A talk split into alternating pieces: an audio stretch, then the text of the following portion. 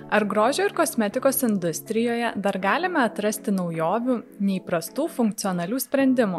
Ar kosmetikos produktai gali būti ir veiksmingi, ir tuo pačiu ekologiški bei tvarūs? Apie visą tai šiandien kalbuosi su Vaiva Žvirblyte, kietosios kosmetikos solidų įkūrėja, kuri tvarias idėjas pavertė madingomis. Vaiva, tai prašau papasako, kaip gimė pati idėja sukurti solidu Ar tai buvo tavo nuo vaikystės kažkokia brandinta vizija, svajonė, ar tai tiesiog taip susiklostė gyvenimas ir tu e, pradėjai šį verslą, nes kiek domėjausi, žinau, kad esi kinų kalbos vertėja. Tavo ta pagrindinis ar ne išsilavinimas, veikla, ką darai iki tol? Taip, tai mano e, veikla iki tol ir išsilavinimas e, niekuo nesusijęs su kosmetika, ar chemiją, todėl daugelio žmonių tai šiek tiek stebina, kaip atėjau kosmetikos verslą iš visai kitos ryties, tai yra iš kalbų. Pati studijavau sinologiją, tai mokslas apie Kiniją, ne tik kalba, bet apskritai mokslas apie Kiniją. Ir į kosmetikos verslą galbūt šiek tiek netikėtai nuėjau, nes irgi tikrai nesu tas žmogus, kuriam uh, labai svarbu yra išvaizda, grožis ir visi šitie dalykai. Labiau iš praktiškumo pusės viską žiūriu. Tačiau labai susižavėjau pati idėja apie tai, kas yra kietas šampūnas ir kietoji kosmetika, kai iš Kinijos iškeliavau keliauti po Azijos šalis ir norėjau labai smarkiai sumažinti savo turimų daiktų kiekį Ir taip pat, na, tiesiog kompaktiškai susipakuoti kuprinę, jog nereiktų nešti daug sunkių daiktų, tarp jų ir vandens, kuris yra šampūnas ir panašiai. Tai tuo metu atradau patį tą konceptą, kad egzistuoja kietas šampūnas ir jis mane tikrai labai nustebino. Mane priblaškė, kad aš nesu ne mačius tokio dalyko, kad mano draugai nenaudojo ir kad jo negali taip lengvai nusipirkti kažkur parduotuvėse, kurios buvo aplink mane. Tai po kelionės manęs ši idėja nepaliko. Tai aš truputį pertrauksiu, tai šią formą atradai Azijoje bekeliaudama, būtent tą kietąją. E, taip, nes aš specialiai domėjausi, kaip žmonės keliauja, kurie, na, yra tie backpackeriai vadinami nežinau kaip lietuviškai. Su kuprinė. Keliautojai. Kur keliautojai su kuprinė, kur iš tikrųjų um, keliauja ilgą laiką ir visą savo gyvenimą praktiškai nešiojasi ant pečių. Tai aš ieškojau patarimų, kaip tą reikia padaryti, ką reikėtų susidėti į tą kuprinę, kad galėtum išgyventi ir, ir keliauti. Ir vienas iš patarimų ir buvo tas kietas šampūnas, kas man buvo labai svarbu, nes iš tikrųjų daug esu patyrusi, kokie nekokybiški ir blogi viešbučių šampūnai būna, tai. o jeigu gyveni kažkur ir hosteliuose, tai apskritai jų ten nebūna, tada nuvažiuoji į naują vietą ir ypač jeigu nuskrendi ir ten tada per kitą šampūną parduotuviai, paskui jį reikia išmesti, nes į sekantį lėktuvą nepasimsi. Na tikrai toks didelis galvos skausmas, o nešiotis sunku. Tai vienas iš tų patyrimų toks ir buvo ir aš jo pasinaudojau ir tiesiog man labai labai patiko, kaip veikia apskritai toksai produktas ir aš jo nenustau naudoti netgi po kelionės, tiesiog namuose. Grįžus Lietuvą. E, tuo metu į Kiniją. Į Kiniją. o Kokie buvo solidų pirmieji žingsniai, nuo ko viskas prasidėjo, kad jau tai taptų iš tos nu, vizijos, iš to praktiško naudojimo, kad tai taptų veikla verslu tavo? Kas nutiko paskui, um, iš tikrųjų aš pradėjau domėtis, kaip, kaip pagaminti iš pradžių muilą. Nes tuo metu tikrai dar nesupratau, kuo skiriasi muilas, šampūnas ir visokie skirtingi kosmetikos produktai. Tai pradėjau domėtis, kaip gaminti muilą, pradėjau virti muilą, pabandžiau su muilu plauti galvą, nepavyko. ir tuomet pradėjau domėtis giliau, iš tikrųjų, kas yra tie šampūnai, kaip jie gaminami. Ir tai tiesiog aš dariau savo virtuvėje, pati tiesiog gaminau tuos produktus kaip, na nežinau, laisvalaikio kažkokio užsiemimą dovanoms. Tai viskas prasidėjo nuo muilo ir tada peraugo iš šampūnų. Viskas prasidėjo nuo muilo, um, nuo muilo virimo ir tai iš tikrųjų labai labai įdomus procesas, iki šiol man labai patinkantis. E, tiesiog, kad muilas galbūt nėra toks universalus produktas, kad e, na, vis tiek negali jo naudoti visom aplinkybėm ar visiems odos tipam. Tai kažkaip išsivystė tai, kad norėjosi ir pasidaryti kažką, ką galėtum ir daugiau negu tik kaip muilo naudoti, nes jau buvo daug to muilo privirta. Tai, o, mhm. o viso to mokysi pati, kad ir tų niuansų, kuo muilas skiriasi nuo šampūno, paskui nuo kondicionieriaus, kaip, kaip galų gale padaryti praktiškai tokį produktą. Ar tai, nu, taip, pat, visko mokiausi visiškai savarankiškai, ieškojau informacijos ir daug eksperimentavau, nes kartais tikrai gali rasti visokiausių blogų, kurie papasakoja, kaip padaryti vieną ar kitą dalyką ir kaip tai bus natūralu ir kaip nereikia jokių specialių ingredientų, viskas ką randi virtuvė. Ir tada padarai ir supranti, kodėl galbūt ir skiriasi tie dalykai, kurie parduodami parduotuvėse, kodėl visgi jų sudėtis yra tokia, kokia yra. Tai daug iš tikrųjų tų eksperimentų būdų ir gilinimasis per tai, kad kažką bandai, jeigu neišeina, bandai išsiaiškinti, kodėl ir ką reikėtų keisti ir taip toliau. Visas tas kelias buvo per tavo pačios patirtį, tokį nuo nulio iki galutinio produkto. Per taip, bandymą, eksperimentą. Viskas buvo bandyta ant manęs, ant šeimos ir draugų ir visų žmonių aplinkui. Mhm. Tvarumas yra vienas iš tokių viena iš tokių esminių vertybių solidu prekinėme ženkle pačiame produkte, kad tai būtų ir ekologiška, ar ne, natūralu, tvaru, pati pakuotė suyranti, nu, tai yra toks visas konceptas. Kuo tau pačiai tai svarbu? Va, ta, ta pati filosofija, idėja, nes nu, visa tai yra paremta pas jūs ir juk ir daug pigiau būtų padaryti be to ir paprasčiau. Manau, kad dabar visi žmonės, na ne visi, bet tikrai didžioji, didžioji dalis žmonių um, na, nebegali apsimesti, kad neegzistuoja tos problemos, kurios egzistuoja pasaulyje. Ir aš nebejoju, kad pradedant bet kokį naują verslą, pradedant bet kokį naują prekinį ženklą, na tiesiog būtų nusikaltimas pradėti nebeatsižvelgiant į šituos dalykus. Uh, Ir taip, e, solidu tai nėra tik e, šiaip kažkoks dar vienas pliusas, bet tai yra visa prekinio ženklo esmė, e, kuria viskas yra paremta ir nuo kurios tai prasideda. Tai nėra, kad mes padarome produktą ir tada galvam, kaip padaryti jį tvaresnį. Mes nuo pat pradžių pradedam nuo tos pozicijos, kad tai turi būti tvaru ir tik tie pasirinkimai egzistuoja, kurie uh, ir paremia mūsų šitą viziją ir padeda ją gyveninti. Tai manau, kad man kaip žmogui tai yra be galo svarbu, kiek e, tenka nuvažiuoti kur nors keliaujant, e, nežinau, salose ir kai matai plastiko šiukšlės besivaliojančias paplūdimyje, ar matai nuostabius gyvūnus, e, žuvytės vežlius ir supranti, kad jie plaukia tarp plastiko maišelių, ar toj pačioje Lietuvoje iš tikrųjų nuėjusi mišką ir matant uh, išmesta šiukšlės vidurį miško kažkur, kurios ne, nesuyra. Tai visi tie dalykai yra mūsų gyvenimo dalis, nuo jų niekur nepasislėpsi. Ir kadangi darbas ir verslas yra ta dalis, kuriai mes paukojam tikrai didžiausią savo gyvenimo dalį, daugiausiai laiko skiriame, tai na, būtų sunku visą tą energiją ir laiką skirti kažkam, kas blogintų šią situaciją, o ne ją gerintų. Ar e, buvo paprastai e, surasti žmonių į savo komandą, turinčių vat, tokias pat vertybės, panašias vertybės, kad nu, vis tiek vienas laukia ne karys, turi, kad sukurti verslą, vis, anksčiau ar vėliau prireikė ir pastiprinimo. Ar buvo sudėtinga, ar gal priešingai komanda pati tiesiog susibūrė savaime? Na, manau, kad tikrai solidu labai pasisekė šito atžvilgiu, nes labai labai daug pritraukėme žmonių, uh, kurie tikrai tiki šiomis idėjomis. Ir dažnai net tikrai aš ir pati nustembu, kaip mums pavyksta, kaip tokiai nedideliai įmoniai, mažam prekiniam ženklui, kur tikrai nėra ir galbūt atlyginimų tokių didelių, bet pavyksta pritraukti žmonės, kurie yra tikrai, tikrai nuostabus. Ir manau, kad ta misija ir yra pagrindinis dalykas, nes žmonės pamato ir jie žino, kad jie norėtų prie to prisidėti. Uh, ir galbūt, na nežinau, noriu tikėti, kad tai tikrai yra tas dalykas, kuris padeda, bet uh, iki šiol tikrai labai, labai sekėsi suburti tikrai nuostabių žmonės ir tikiuosi, kad ateityje bus dar geriau. Sakai, nedidelė e, kompanija, nedidelis dar kaip ir verslas, bet o kiek žmonių pas jūs dirba?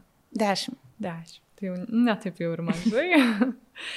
Gerai, nesileisim gal taip plačiai ir giliai į patį verslą, bet labai įdomu būtų išgirsti apie pačius produktus, apie Jūsų asortimentą sudaro kietieji šampūnai, kondicionieriai, ar ne? Du viename, kai ir šampūnas, ir kondicionierius kartu. Teisingai, kūno sviestas. Dar, Taip, tai mūsų galbūt pagrindiniai žinomiausi produktai e, yra tie plaukų produktai, tai šampūnai, kondicionieriai ir iš tikrųjų juos labiausiai žmonės žino ir daugiausiai perka. Um, taip pat turime kūno priežiūrą, tai ir tuos pačius mailus, kurie ir yra išvirti tuo tradiciniu, tikruoju, senoviniu būdu, tiek ir e, kūno prausiklius, kūno sviestus, e, labai irgi jie populiarūs yra tarp žmonių, neseniai naują išleidome, e, ką tik atsirado priekyboje praėjusį mėnesį. Bet turime idėjų, kad iš tikrųjų žymiai daugiau galima padaryti produktų, kurie yra tokie kieti, be plastikinės pakuotės, nors šitie kaip ir labiausiai žinomi ir tokia pradžia, dėl ko žmonės galbūt pradeda naudoti šį prekinį ženklą, bet e, tikrai norim, kad būtų na, viskas, kas tik įmanoma, kad būtų kieta tą ir padaryti. Taip.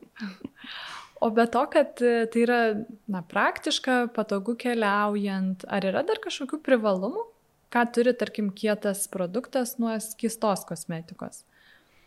Na, tai aišku priklauso nuo kurio kieto produkto, tai galiu tik apie mūsų kalbėti, Taip. nes galbūt yra ir visokių, kurie apie yra jis. skirtingi, ar ne?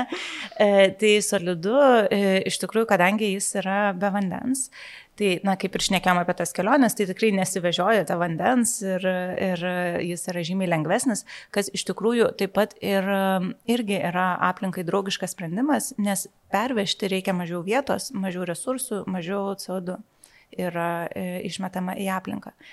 Bet taip pat, kadangi to vandens nėra, tai naudojame tik koncentruotus e, grinus ingredientus, juos parenkame labai e, gerus, aukštos kokybės, tikrai nenusileidžiančius, na, ką jūs kirpykloje rastumėte ar salone kažkur grožio. Ir žmogus iš tikrųjų nemoka už kažkokius užpildus, Taip. tirštiklius, kažką, kas suteikia tą norimą spalvą, ar, na, spalvas mes naudojam, turiu menį būtent, kai būna skyščiai, kremai visokie, kad ta tekstūra būtų tokia, kaip jūs norite. Tai visų šitų dalių pas mus kaip ir nėra, vandens nėra, e, yra tik koncentruoti ir kokybiški ingredientai. Tai galbūt čia toks ir būtų vienas iš pagrindinių privalumų kaip naudotojui, žmogui, kuris renkasi iš tą kosmetiką, kad e, tikrai renkėsi tik tas aktyvesias veikliasias medžiagas, o nėra nieko kito papildomai.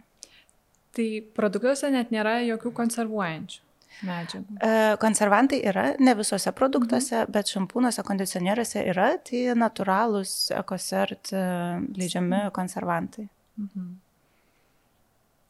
Ar su tokiais kietais šampūnais mes galime išgauti tokį patį efektą kaip e, su skistais? Tarkim, aš noriu, nežinau, purumo, noriu drekinimo, maitinimo, glotnumo, ar dar kažkokio efekto, ką aš standartiškai gaunu iš produkto, ar mes tą patį gauname? Tai daug labai mūsų klientų sako, kad e, iš tikrųjų gauna dar geresnį efektą negu nuo um, tų įprastinių produktų. Nes vėlgi kalbėjom, kaip tie ingredientai yra tikrai grini ir koncentruoti, tai naudojant pakankamai nedaug, galima gauti labai labai gerą efektą. Ir iš tikrųjų daug kas sako, kad jiems padeda šitos priemonės, pavyzdžiui, rečiau plautis galvą, kas iš tikrųjų yra ir patogu, praktiška, kad rečiau reikia, bet ir iš tikrųjų sveikiau mūsų odai, kad ne, neperplūnam kiekvieną dieną. Tai iš tiesų daug kas teigia, kad jiems net geriau veikia negu įprastinis produktas. Mhm. O kaip pati ieškai ingredientų, kaip atsirenki ingredientus, kaip e, vyksta formulių kūrimas, e, paskui pereinat į praktiką, į gamybą. Yra atskiras žmogus, ar tu pati viso to ieškai, bet e, įdomiausia tai kaip atrenki, kas veiktų, kas būtų naudinga plaukam. Uh, Tai šiuo metu nesu aš, e, kadangi turime RD ir gamybos komandoje žmonės, kurie labiau kvalifikuoti negu aš jau šiais laikais. E, žinoma, aš vis tiek esu labai įsitraukusi į šitą procesą ir dažniausiai mes kartu susėdam ir aptariam e, kryptis ir idėjas, kuriomis norime eiti. Tai tuo metu gali būti tam tikri konkretus ingredientai, kuriuos jau žinome, kad naudosim, arba gali būti tiesiog e, tam tikras poveikis, kurį norim pasiekti, ar tam tikra produkto rušis, kurios mums trūksta ir kurią norėtume sukurti. Na ir tuomet, žinoma, periname tai, kad surasti tuos ingredientus, pasižiūrėti, kas yra rinkoje. Tai dažniausiai stengiamės atkreipti dėmesį į kelis dalykus. Vienas yra, na, būtent tas poveikis, koks jis turi būti ar ne, kurio mes siekiame tuo produktu. Antras yra tvarumas ir ar atitinka mūsų vertybės. Ir trečias, ko galbūt kitiem pavyksta išvengti, bet mums reikia atsižvelgti, ar jį pavyks inkorporuoti į kietus produktus, nes jeigu vien tik skistas medžiagas kartu sudėsi, tai vėlgi nesigaus. Tai mes dar turim tą galbūt papildomą tokį sunkumą, kad e, turim atsirinkti, jog tas ingredientas tikrai mums tiktų į kietą formulę ir jinai nesigautų per skistą. Na ir tada prasideda jau eksperimentai, prototipų kūrimas, kurį mūsų komanda na, pradeda nuo kažkokio teorinio pasirašymo, kas tai galėtų būti, o vėliau pereina jau į sukūrimą tų prototipų, bandant įgyveninti tas idėjas. Kartais pavyksta, kartais reikia daugiau negu vieno bandymo ir dažniausiai gauname e, krūvą prototipų, kuriuos tada patys ir testuojame, kadangi na, yra maža pakankamai komanda, tai iš pradžių tiesiog visi patys išbandome, duodame komentarus, grįžtame vėl aptarti, kaip dar tai būtų galima patobulinti, ar kuris patiko, kuris nepatiko. Ir taip žingsnis po žingsnio e, gimsta tie produktai. Tai jie visi dažniausiai būna išbandyti ant mūsų pačių ir tik jau pačioj, pačioj paskutiniai stadijoje pereina į tokį, na, jau oficialų kažkokį testavimą prieš paleidžiant į rinką. Mhm. O kalbant apie pačius ingredientus, tarkim, plaukam, kokie gal yra keli, į ką mums pat, tiesiog paprastiem vartotojam reiktų atkreipdėmėsi, kas naudinga plaukui? Mhm. E, tai iš tikrųjų yra labai sudėtingas klausimas, e, todėl kad na, šiais laikais labai madinga yra reklamuoti produktus, kad pavyzdžiui, ten kažko tarkim nėra. Be to, be nuo, be trečio, ir tai yra labai klaidinantis e, marketingas, uh, todėl kad tai, kad kažko nėra, e, jums nieko nepasako apie tai, kas yra ir ką tas produktas daro. Taip. Ar ne? O kartais būna atvirkščiai, rašo, kad yra kažko, bet to kažko ten yra 0,01 procento. Tai vėlgi tai jums nieko nepasako apie visą formulę, nes produkto formulė yra toks pakankamai sudėtingas dalykas ir e, kiekvienas ingredientas atskirai gali turėti vienokį poveikį, tačiau kartu sąveikoje gali jis gautis visai kitoks. Tai paprastam klientui iš tiesų lengva nėra. E, ką aš patarčiau, tai tikrai nesigazdinti ir nebijoti kažkokių dalykų, kur e, kažkas sako, na, rinkitės be to, be nuo, be trečio, be sulfatų, ten be kažko, be parabenų jeigu jūs tiksliai nežinote, kodėl jums negalima konkrečiai, vad jūsų plaukams tikrai šito negalima, nes galbūt juos dažėte, ar galbūt yra kažkokia alergija. Jeigu to nėra, tai tikrai nevertėtų vaikytis ir permokėti už produktą, todėl kad be kažko, kai tas be to kažko jums e, galbūt nepakenks. Na, čia lygiai taip pat kaip žmogus, jeigu alergiškas riešutam, jisai vengs riešutų, bet jeigu jis draugam pasakys, va, aš valgau be riešutų ir man taip žymiai geriau, tai, na, nebūtinai tam draugui irgi bus tas pats, ar ne? Tai iš šitą manau, kad reiktų mažiausiai e, kreipti dėmesį. Jeigu norite um, kažkokio vat, poveikio, kuris būna parašytas ant etiketės ir kažkoks ingredientas išreklamuotas e, kaip esantis tenai, galima atkreipti dėmesį, kaip surašyta sudėtis. Todėl, kad ant visų kosmetikos produktų privaloma rašyti sudėti mažėjančią tvarką ir dažnai pamatysite, kur tas reklamuojamas ingredientas iš tikrųjų yra. Tai jeigu jūs kažkur toli, toli prie galo, greičiausiai jis yra tik dėl etiketės ir galbūt neverta išleisti tų pinigų, kad, kad gautų poveikį, nes jo bus nepakankamai. Na, žinoma, kai kurių ingredientų ir nereikia daug naudoti, kai kurie iš tikrųjų dedami tik, tarkim, vienu procentu. Tai kas būtų naudinga, galbūt pasidomėti keliais populiariais, pavyzdžiui, konservantais Ir kai ant etiketės pamatote konservantą jis dažniausiai būna vienas iš mažiausių procentų dedamų e, ingredientų. Tai viskas, kas už jo, žinokit, kad yra įdėta mažiau negu vienas procentas ir ko gero mažiau net negu ir pusė. Arba jeigu išmoktumėte, kaip atskirti kelis pagrindinius alergenus, nes alergenus irgi privaloma rašyti ant etikečių e, ir jų taipogi būna labai labai nedaug. Tai jeigu jau ten kažkur tarp alergenų jūsų tas norimas ingredientas, a, tai irgi tada žinokit, kad ko gero jisai yra tik vardant tos etiketės. Tai žinoma, labai priklauso ir koks ingredientas ir kaip kas, bet na, tikrai dažnai mes matom, kad, pavyzdžiui, kokie nors selėjai, būna sviestmedis ir panašiai. Ir jis kažkur pačiam pačiam gale, na tai iš tikrųjų vargu, ar toksai kaip sviestmedis mhm. turės poveikį, jeigu tai yra uh, ar vitaminas E, ar kažkoks pantenolis, tai taip, jie galėtų turėti poveikį ir, ir mažų procentų.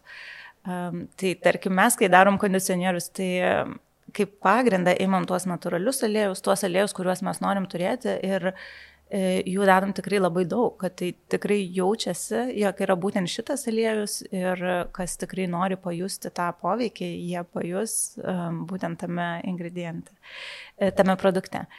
Tai na, tikrai aš manau, kad vartotojui atsirinkti ir suprasti tą informaciją yra labai sudėtinga. Um, ir tai labiausiai priklauso, man atrodo, nuo tų kuriejų, nuo tų prekinių ženklų, kurie tai gamina. Tai um, kaip dažniausiai žmonės ir daro ir manau, kad tai yra geras būdas, jeigu yra tam tikri prekiniai ženklai, kurie patinka, kuriais pasitikėte, žinote jų komunikaciją, kurie jum pasako, ką jie deda ir kodėl. Uh, tai galbūt yra geriausias būdas um, atsirinkti uh, tuos teisingus produktus. Nes, uh, na, jūs nesate kosmetikos formuluotojai, tai vargu ar sugebėsit tiek įsigilinti. Ir, nu, kam to reikia? Mes turim savo darbus ir visi turim savo specialybės, ar ne, negalim visko išmanyti. Tai aš ir pati iš tikrųjų mėgstu rinktis tokius prekinius ženklus, kur matau, kaip jie komunikuoja, matau, kaip jie aprašo produktus, ar tai atrodo tikra, ar atrodo, kad jie e, tik bando dėl marketingo ir dėl kažkokių skambių žodžių, kad dabar tas yra nas madoj, ar iš tikrųjų nuoširdžiai ir tikrai komunikuoja.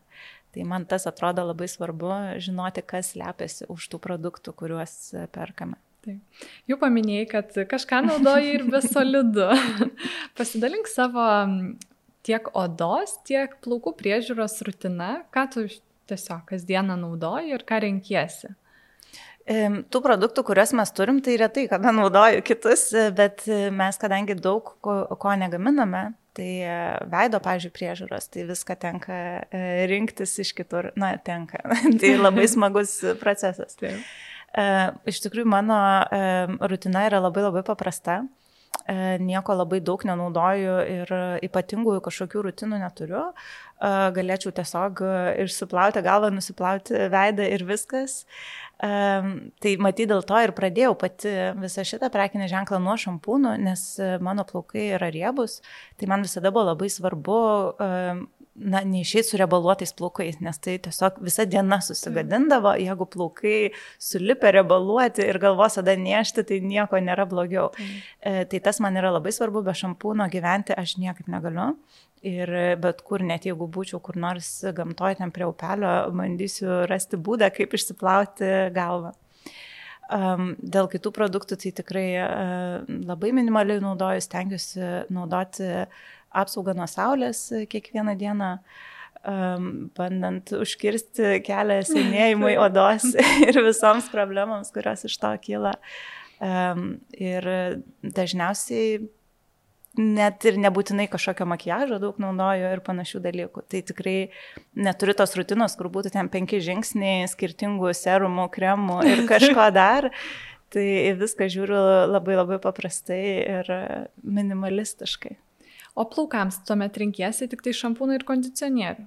Ar... Dažniausiai tik šampūną, mhm. E, nelabai dažnai naudoju kondicionierių ir dažniausiai kitas papildomas plaukų priemonės naudoju todėl, kad labiausiai noriu pabandyti ir pažiūrėti, kaip veikia.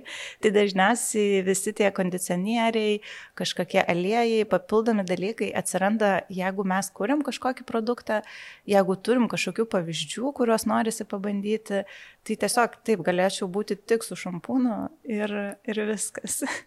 Tikrai paprasta rutina, bet nu, be šampūno mes nei vienas neįsivaizduojam šiais laikais gyvenimo. Taip, taip, taip. Ir aš manau, kad tas minimalizmas, e, na, iš tikrųjų, man pačiai yra svarbu tas minimalizmas, bet ir manau, kad ir mūsų klientą mes tengiamės iškomunikuoti tą žinutę, kad, na taip, tikrai turim skirtingus poveikius, turim skirtingus odos tipus ir plaukų tipus ir vieniems reikia vienų dalykų, kitiems kitų. Tai um, nesistengiam, pavyzdžiui, parduoti, kad tiesiog tu pirk visko kuo daugiau, o tau iš tikrųjų net nėra būtina ta produkcija. Jeigu tu gali būti be to kondicionieriaus, jeigu plaukai labai ploni ir silpni, galbūt kondicionierius juos kaip tik apsunkina ir suteikia dar blogesnę išvaizdą, negu tu būtum juos papurinęs tik su šampūnu ir, ir be to kondicionieriaus. Tai pačioje pradžioje, kai dar solidu tik pradėjo ir pati um, įvairiuose renginiuose e, išeidavau, prekiaudavau mūsų produktais.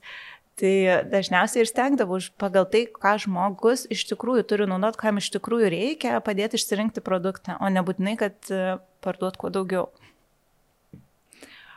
O kalbant, e, pradžiai mes palėtėm šampūną ir muilą. Ta, tai kuo skiriasi kietasis šampūnas, kondicionierius nuo, nuo muilo, nuo kurio tu pradėjai visą mhm. kūrybą? Taip, daugam tikrai kyla šitas klausimas ir iki šiol daug kas ir apie mus pagalvoja apie solidų, kad o tai čia muilas. Taip brangiai parduodat muilą, apgaudinėt žmonės. Um, tai iš tikrųjų taip solidu tikrai nėra muilas ir uh, kuo tai skiriasi. Tai uh, kai aš kalbu apie muilą, aš kalbu būtent apie tą tradicinį senovinį muilą, pagamintą taip, na, tikruoju tuo būdu. Um, kas yra įdomu, kad šiais laikais parduotuvėje daug tų dalykų, kurie vadinasi muilas, techniškai nėra muilas, o yra kaip tik kažkokie sintetiniai tiesiog prausikliai. Uh, Ir pagrindinis dalykas, kas atskiria muilą nuo nemuilo, tai yra muilo aukštas pH. Nes pats muilo gamybos procesas, na, tu niekaip negali pagaminti to produkto, kad jis nebūtų aukšto pH. Tiesiog toks tai yra procesas ir reikia, kad būtent aliejai sureaguotų su šarmu, kad tu gautum muilą.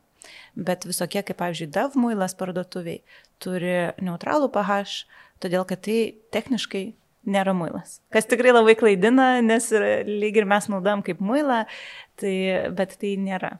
Tai žodžiu, su aukšto pH produktu galima plautis rankas, tai labai gerai dezinfekuoja ir tikrai negali išlikti jokie virusai, e, bakterijos, mikroorganizmai, kurie galėtų sukelti mums lygas ir, ir užteršti. Tai todėl muilas yra labai toks naudingas produktas iš senų laikų, nes mums padeda e, palaikyti tą higieną ir išlikti sveikiems. Jeigu oda nėra kažkokia jautri, jautri ar labai sausa, tai galima prausti net ir veidą natūraliu mailu, ar kūną galima prausti natūraliu mailu. Bet pavyzdžiui, galvos odą, jeigu mes planame su mailu, tai e, išbalansuojame tą galvos pH. Ir iš tikrųjų tai e, trukdo plaukams e, aukti sveikiems ir todėl to nerekomenduojama daryti. O na, visi kiti produktai, kurie yra, tarkim, šampūnas ar kūno prausiklis, jų pH būna subalansuotas. Tai jisai yra artimesnis mūsų odos pH ir su juo išsiplovę mes iš tikrųjų gerinam odos būklę, o ne ją bloginam. O solidų pH maždaug kokiuose ribose? Šampūnai, prausikliai, Tai visų šampūnų ir prausiklių yra apie 5,5. Mhm. O tuo tarpu muilo, kur mes irgi turime tuos natūralius muilus, tai jų pH yra aukštas apie 8-9. Mhm. Nes tarkim, probleminiai odai, tai kosmetologai dažniausiai rekomenduoja žemą pH, tą rūkštinį, kad subalansuoti odą. Taip, bet čia veido, tai čia neplaukam. Taip. Nes mhm. plaukam vis tiek galvos odos net ir kur yra probleminė, tai na, galvos oda jinai vis tiek skiriasi. Jinai skiriasi todėl, kad iš jos auga plaukai ir tai nėra tas pats kaip veido ar kūno mūsų oda. Tai a, galvos odai visada bandome pataikyti kiek įmanoma neutralesnį, a, tai yra kuo arčiau mūsų natūralaus to pH. E, kad iš tikrųjų ne, nesukeltume streso savo plaukų, plaukų tai odai ir e, kad ją palaikytume sveiką. O tuo tarpu kondicionieriai dažniausiai turi šiek tiek žemesnį pH. Mhm. O apskritai tokia forma kietoji kieto šampūno ar ne, ten kondicionierius, ar tai yra produktai tinkantis visiems, nu, tokie universalūs, vadinkim, ir nėra tų tokių niuansų, kam netiktų, tarkim. Tai tikrai taip, yra labai universalūs produktai ir visų pirma, kad tai nėra kažkas, kas būtų taip radikaliai skirtinga nuo mhm. skistų, mhm. ką galbūt žmonėms iš tikrųjų sunku būna priimti ar suprasti, jie galvoja, kad na čia reikia specialiai galbūt pratinti plauką, kažkoks bus pereinamasis laikotarpis. Tai viso to nėra? Viso to tikrai nėra ir tiesiog išsiplovus jau iškart gali plaukai atrodyti puikiai ir tikrai nieko specialaus nereikia. Ir to dažnai žmonės bijo ir galvoja, kad taip nebus, bet kai pabando, tai dažniausiai būna wow. Taigi tikrai visiškai taip paprasta. Ir mano irgi buvo toks va tas pirmasis susipažinimas su kietais šampūnais, kodėl man taip patiko, nes aš irgi kažką tokio įsivaizdavau, kad bus taip sudėtinga, nesuprasiu kaip plauti, neaišku kaip e, pavyks, kaip plaukai atrodys, o buvo labai paprasta ir plaukai atrodė puikiai. Tai... Tiesiog. O tada e, pats naudojimas. Kaip taisyklingai reiktų naudoti tokį produktą? Mhm. Vėlgi nieko labai sudėtingo tikrai nėra, kadangi produktas pagamintas, pažiūrėjau, šampūnas, jeigu šnekam apie šampūnus, šampūnai pagaminti iš šampūno ingredientų, tai reiškia, jie veikia lygiai taip pat kaip ir įprastinis kistas šampūnas, tiesiog ar juose nėra vandens. Tai jį, kai jau išmuiluojate, šampūnas suputoja ir tiesiog su tomis putomis e, išsiplaunam plaukus.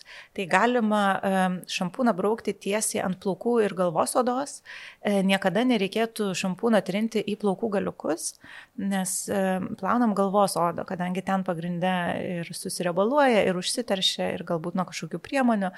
Tai galima arba tiesiai su tuo gabalėliu įsitrinti į galvą, arba galima tarp rankų išsimuiluoti ir tada tik su tom putom nuo rankų. Tai jeigu trinam tiesiai į galvą, e, toks e, stipresnis išplovimas, jeigu plaukai itin purvini, galbūt ilgai neplovėm, galbūt daug priemonės kažkokios naudojam, o jeigu su puta, tai toks lengvesnis, e, mažiau to plovimo pojūčio bus. Ir viskas, ir tiesiog išskalaujam ir, ir taip pat paprastai kaip ir su skistaisiais. Kondicionierių, žinoma, neputoja, Bet kondicionierius yra sukurtas taip, kad e, nuo šiltesnės temperatūros e, jo paviršius pasidaro šiek tiek minkštesnis. Tai jeigu šiltame duše tiesiog pakišam po vandeniu arba galima tarp delnų tiesiog e, paimti tą gabalėlį, tada jo paviršius labai lengvai užsitepa. Tai tiesiog galima braukti per plaukus mhm. tą kondicionierius gabaliuką ir kondicionierius liks ant plaukų. Tai tikrai labai taupiai naudojasi, pakankamai nedaug jo reikia, kad būtų tas švelnumo toksai pojūtis. Ir kondicionierių galima palikti keletui minučių, kaip ir irgi suskistaisiais, ir tada nuplauti jį. O kažkokiu naujų produktų planuojate sukurti, pavyzdžiui, kad ir plaukų kalkę? Ar, ar tai nėra jūsų planuose, ar iš vis gal turit kažkokią kitą strategiją? Labiau į plotį ar į gilį? Taip, tai tikrai turim įvairių tų idėjų ir tiesiog neturim galbūt dar tiek laiko ir resursų, kad visas jas įgyveninti, nes turim daugiau negu įmanoma padaryti. Nes visada norisi padaryti gerai, tai neišleisti dešimt produktų, kurie tokie, ai, pusėtini, bet noris, kai jau išleidai, tai kad būtų tikrai geras. E, tai Turim idėjų ir daugiau šampūnų, tai, pavyzdžiui, dabar kūrėme um, šviesintų plaukų šampūną, nes pastebėjom, kad daug e, yra to poreikio, kadangi specialo, specialios priežiūros reikalauja šviesinti plaukai. Uh, bet ir turim idėjų um, kurti produktus, kurie visai būtų nauji, tai tarkim veido priežiūros produktai. Um, ir panašiai iš visai tokių kitų sričių, kurios praplėstų dar mūsų asortimentą ir žmogus galėtų uh, tokią pilnesnę liniją turėti tik iš kietų dalykų. Taip, ir veido priežiūra būtų kietieji produktai. Taip, būtent kietuosius kalbam. Mhm. O dar grįžtant prie tų šviesių plaukų, tai e, čia būtų tiesiog e, šviesiems plaukams sukurti produktai, ar kaip būna dabar rinkoje populiarų šaltą atspalvį suteikiantis dar papildomą. Taip, su atspalviu, tai būtent e, Išla, kad, taip, išlaikantis tą šaltumą nuo geltonėjimo, kur, kur jau dažantis šampūnai. Wow, kaip įdomu. Taip, nes čia aš manau labai aktualu, nes daug Taip. kas iš tikrųjų klausia, nes Taip. kai jau pasirenki tokią spalvą, tai sudėtingiau, sudėtingiau naudoti tos įprastinius produktus, nori išlaikyti ir, Taip. ir tikrai yra problema. O gerai, o dažytėm kitokiem plaukam, mano rudi. Ar Turit jau dabar asortimente kažką, kas puoselėtų ir iš, padėtų išsaugoti plaukų spalvą, ar gal planuose kurti? E, šiuo metu tai neturim. E, iš tikrųjų, su visom kitom spalvom tai yra taip, kad e, kur būna tiesiog bendrai dažytėm plaukam produktai, tai jie šiaip nieko nedaro. Jeigu ką. Dažniausiai, na, tiesiog mintis yra, kad jie tokie švelnesni turėtų būti. Bet retai, kada yra tai realus ir pastebimas poveikis ir kiek yra daryta tyrimų, tai, na, nepavyko pasiekti tų rezultatų, kad tai būtų, na tikrai, kad ryškiai skirtusi, kur žmogus naudoja paprastą šampūną ir tą, kur reklamuoja būtent dažytėm.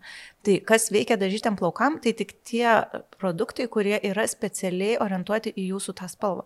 Tai jeigu yra, pavyzdžiui, rudiem plaukam ir būtent jisai galbūt parudina šiek tiek, ar šviesiem plaukam, tai tie violetiniai šampūnai, mm. ar raudoniem plaukam jisai su raudoniu tada būna, tai taip tada tikrai tai veikia, nes jisai įneša tos naujos spalvos į plaukus ir todėl lėčiau prarandam tą atspalvį.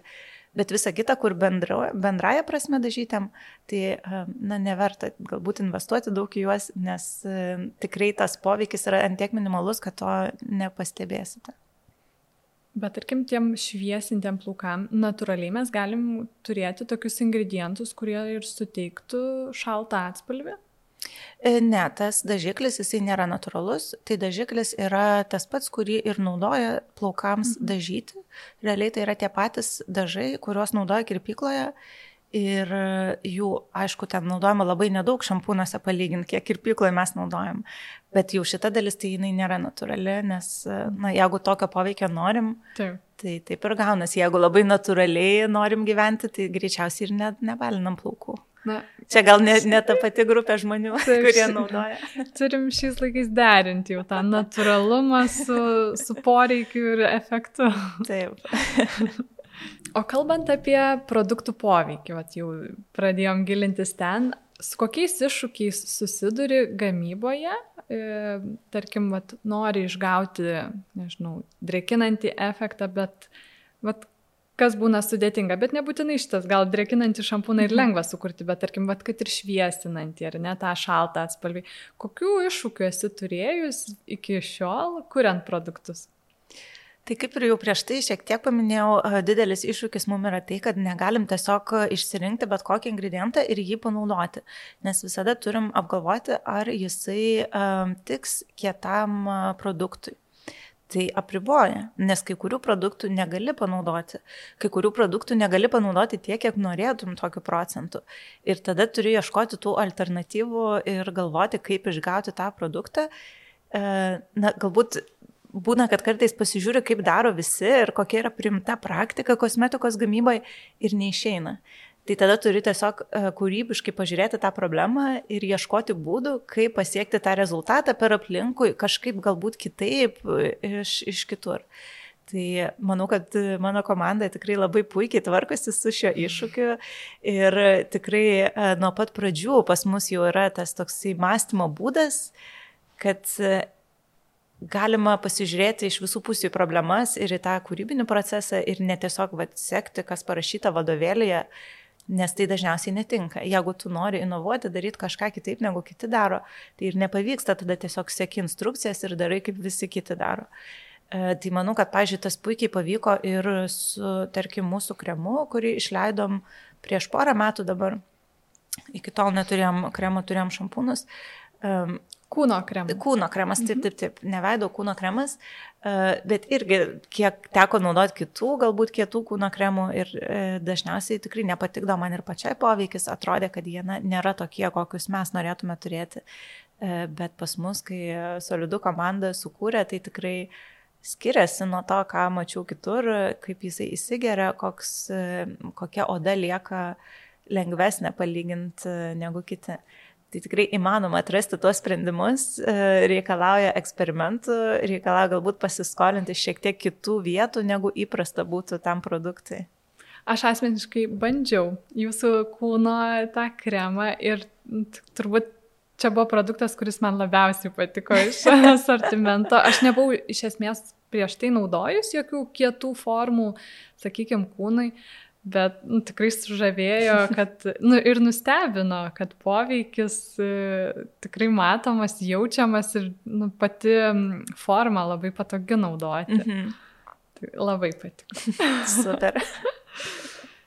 O kalbant apie solidų planus, e, dabar solidų yra Lietuvoje, tikrai labai plačiai, manau, žinomas prekinis ženklas. E, jau žengėte į užsienį, Latviją, Estiją, kiek žinau. Ar planuose yra plėstis į visą pasaulį, galbūt e, jau turit konkrečių planų? Tikrai taip, turim šitų planų ir juos jau truputį įgyvendiname žingsnelis po žingsnelio. E, tai net nuo pernai metų jau pradėjome žvalgytis po užsienio rinkas. Tai galbūt, na, nuo pat pradžių ir irgi buvo mano pačios idėja, kad tai nebus tik lietuviškas, na, lietuviškas, bet ne tik Lietuvai prekinis ženklas. Um, galbūt ir pastebėt, kad e, pas mus ir ant pakuočių dalis informacijos nuo pat pradžių buvo angliškai ir pats pavadinimas e, stengiamės būti toks, kurį galėtume panaudoti ne tik Lietuvoje, tai be lietuviškų raidžių ir toks, kuris e, na, ir kitiem atrodytų, kad gali susijęti kažkaip su tuo, ką mes darom. Tai nuo pernai metų jau pradėjom po tas užsienio rinkas žvalgytis ir uh, dirbam tikrai ne vienoje šalyje, šiuo metu dirbam 20 e, Oho. šalių. Taip, tai esam ir Europos skirtingose šalise, ir Amerikoje, ką tik atsidūrėm Kuveitę ir Taivane. Tai jau tikrai pakankamai plačiai. Aišku. Solidu pakankamai. Taip, tai tas žingsnius tikrai žengiam ir labai smarkiai į tai orientuojamės. Uh, Tai tarp ateities tikslų matom tikrai daugiau darbo Amerikos rinkoje, kadangi mūsų produktas ten labai patiko žmonėms ir jau du kartus vykome į parodas Amerikoje ir tikrai labai puikiai buvom priimti ir pamatėm, koks tai yra potencialas. Tai manom, kad tikrai galėsim labai daug dar tenai nuveikti. Bet žinoma, kad ir tų Europos šalių, na taip, neapleidžiam, nes kai kuriuose šalise jau turim partnerius ir distributorius, kai kuriuose šalise dar tik vos vos užkabinom, tai dar, manau, tikrai labai daug potencialo, ką galima padaryti. O lyginant Lietuvą ir vat, užsienio kitas šalis, pats žmonių samoningumas šito klausimu, ar mes esam pažengę, ar kaip koja kojo nainam, ar yra tų skirtumų apskritai, kaip žmogus vertina patį produktą, ar reikia e, sudėtingai edukuoti, aiškinti, kas ir kaip, ar kaip tik yra paprasčiau. E, labai priklauso nuo šalies, tai tikrai skirtumai yra akivaizdus. E, pavyzdžiui, skirtumas tarp Europos, e, na, plačiaja prasme visos Europos ir pavyzdžiui, Amerikos tikrai yra didžiulis. E, tai Europoje mes turime daug visokių tokių sprendimų, ekologiškų, tvarių, mums rūpi plastiko tarša, pas mus uždrausti jau šiaudeliai, e, maišeliai plastikiniai nebeduodami ir visi šitie dalykai, kurie atrodo jau tiek akivaizdus, jau tiek laiko tai vyksta. Ir, e, pavyzdžiui, tokių prekinių ženklų, kurių e, kertinė vertybė yra tvarumas. Daugelie šalių jau yra. Tai kaip Lietuvoje esame mes ir esame žinomi už tą savo tvarumo misiją, tai taip pat ir Vokietijoje, ir Prancūzijoje, ir Anglijoje yra tokie prekiniai ženklai, kurie irgi um, vadovaujasi tomis vertybėmis. Tai gal mums toks tam tikras sunkumas šiek tiek, kad jau yra ir kiti ženklai, tai sunkiau įsitvirtinti tada mums atėjus iš Lietuvos, bet apskritai tas samoningumas, jis tikrai yra didžiulis pas mus. O pavyzdžiui, Amerikoje jo apskritai nėra, nors atrodo, kad tai yra valstybė, kuri tiek pažengusi tai. ir taip visi mes lygiuojamės į Ameriką, nes Amerika vakarai Bet e, ta tvarumo prasme tai yra labai labai atsilikusi šalis. E, viskas yra vienkartiniai. E, ten nekalbu apie šiaudelius. Tai yra ir lėkštės, ir podeliai. Ir visur, kur eini, iš tikrųjų yra tas begalinės teršimas. Tiesiog nėra nei kiek to samoningumo, kad galbūt galima išvengti uh, šito padelio, kurį aš to išmesiu, jeigu aš geriu vietoje kavą, galima iš porcelianio padelio gerti. Tai neegzistuoja tokie dalykai. Aišku, kad kažkur pagrindiniuose miestuose, miesto centre mm. elitas turi tuos pasirinkimus, bet jeigu paprasti žmonės, tai tikrai ne. Uh, tai lygiai taip pat ir su kosmetika ir su visais šitais dalykais, tai mūsų produktas uh, buvo tiesiog wow, kaip gali egzistuoti toksai sprendimas, pakuotė yra namuose kompostuojama, kaip taip gali būti. Tai atrodo, kad visiškai na, kažkokia labai labai didelė naujovė ir labai mažai matomas dalykas, nors pati šalis atrodo yra taip pažengusi. Tai tas skirtumas tikrai jaučiasi, kad yra milžiniškas. O kalbant dar apie pakuotę, kaip ją reikėtų sunaudojus produktą, ką su ją mhm. daryti? Taip, tai mūsų pakuotė yra visiškai kompostuojama, e, joje nėra plastiko ir nėra popieriaus, tai ir medžiai nėra kertami, kad šitą pakuotę pagaminti. E, Net ir lipdukai. Lipdukai popieriniai. popieriniai. Bet lipdukas, mhm. jisai nusiplešia tiesiog, mhm. tai kai sunaudojate produktą, tą lipduką tiesiog nulupti paprastai, jis tikrai atlimpa be problemų ir jį galima dėti su popieriaus šiukšlėmis.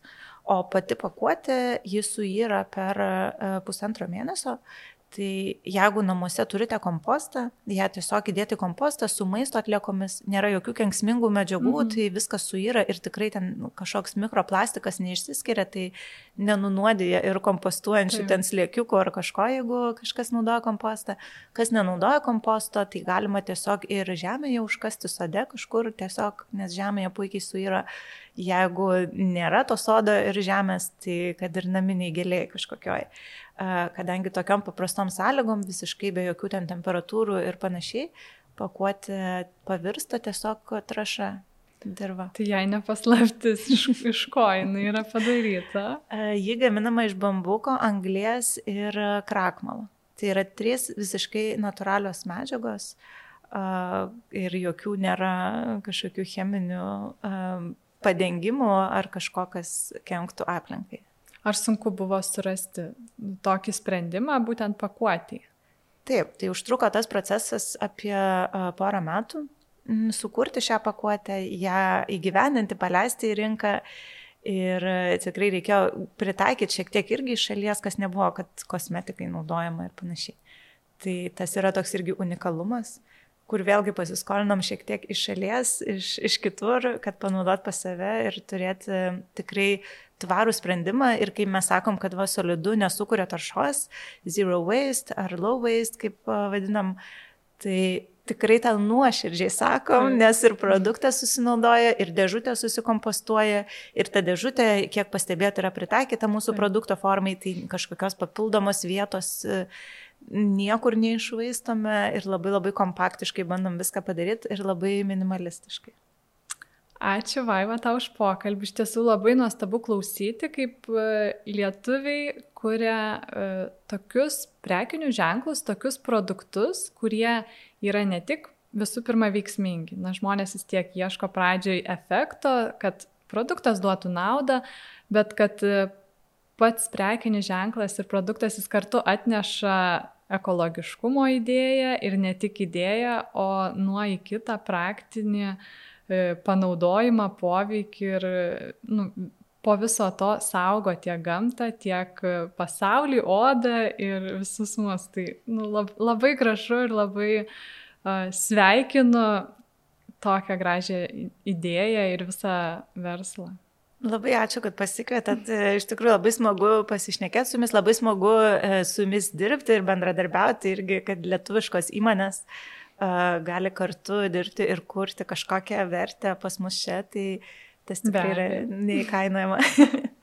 Ačiū. Ačiū.